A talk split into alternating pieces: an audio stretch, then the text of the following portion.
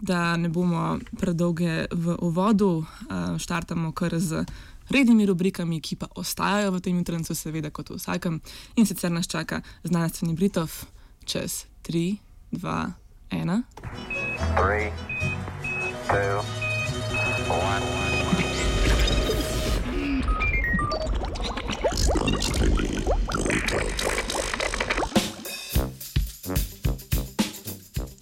Doktorske študentke delajo več, a za svoje delo prejmejo manj zaslug.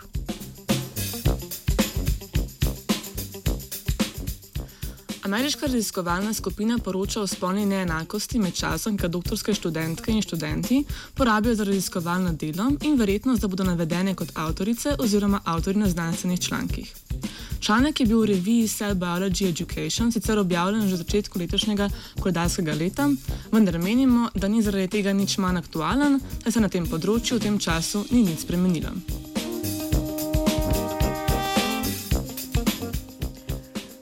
Največ doktorskih nazivov ženskam je podeljenih na področju biologije in sicer dobra polovica. Zaradi neenakosti pri priznavanju dela in dosežkov, napredovanju in ne nazadnje tudi plačah med moškimi in ženskami, pa je delež žensk na višjih akademskih položajih manjši od polovice.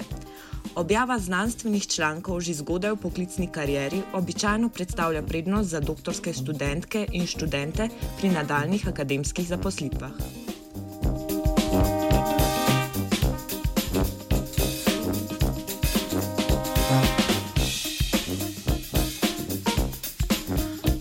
Ameriška raziskovalna skupina je državni kohorti 336 doktorskih študentk in študentov prvega letnika bioloških znanosti iz 53 raziskovalnih institucij zbirala podatke o uporabljenih urah za raziskovanje.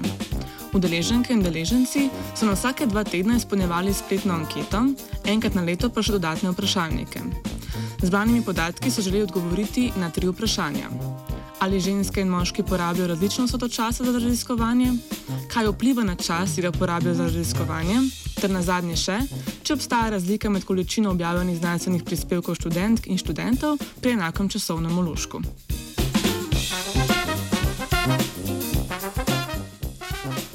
Ugotovili so, da so študentke zabeležile znatno več raziskovalnih ur kot njihovi moški kolegi. Anketni odgovori nakazujejo, da je čas, ki so ga porabili za raziskovanje, odvisen predvsem od zahtev raziskovalnega projekta, ki jim je bil dodeljen za pridobitev doktorskega naziva. Ob enakem številu porabljenih ur za raziskovanje pa so imeli doktorski študenti 15 odstotkov večjo verjetnost za navedbo kot avtori znanstvenih prispevkov.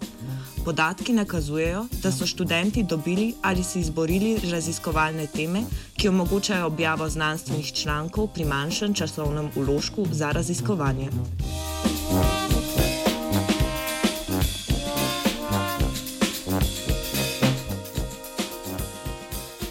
Delati več za manj si ne želi Angelika. Dragi tovariši ženščini! Вы слушаете феминистскую утреннюю радиопрограмму на волнах 89,3 МГц. Радио «Студент».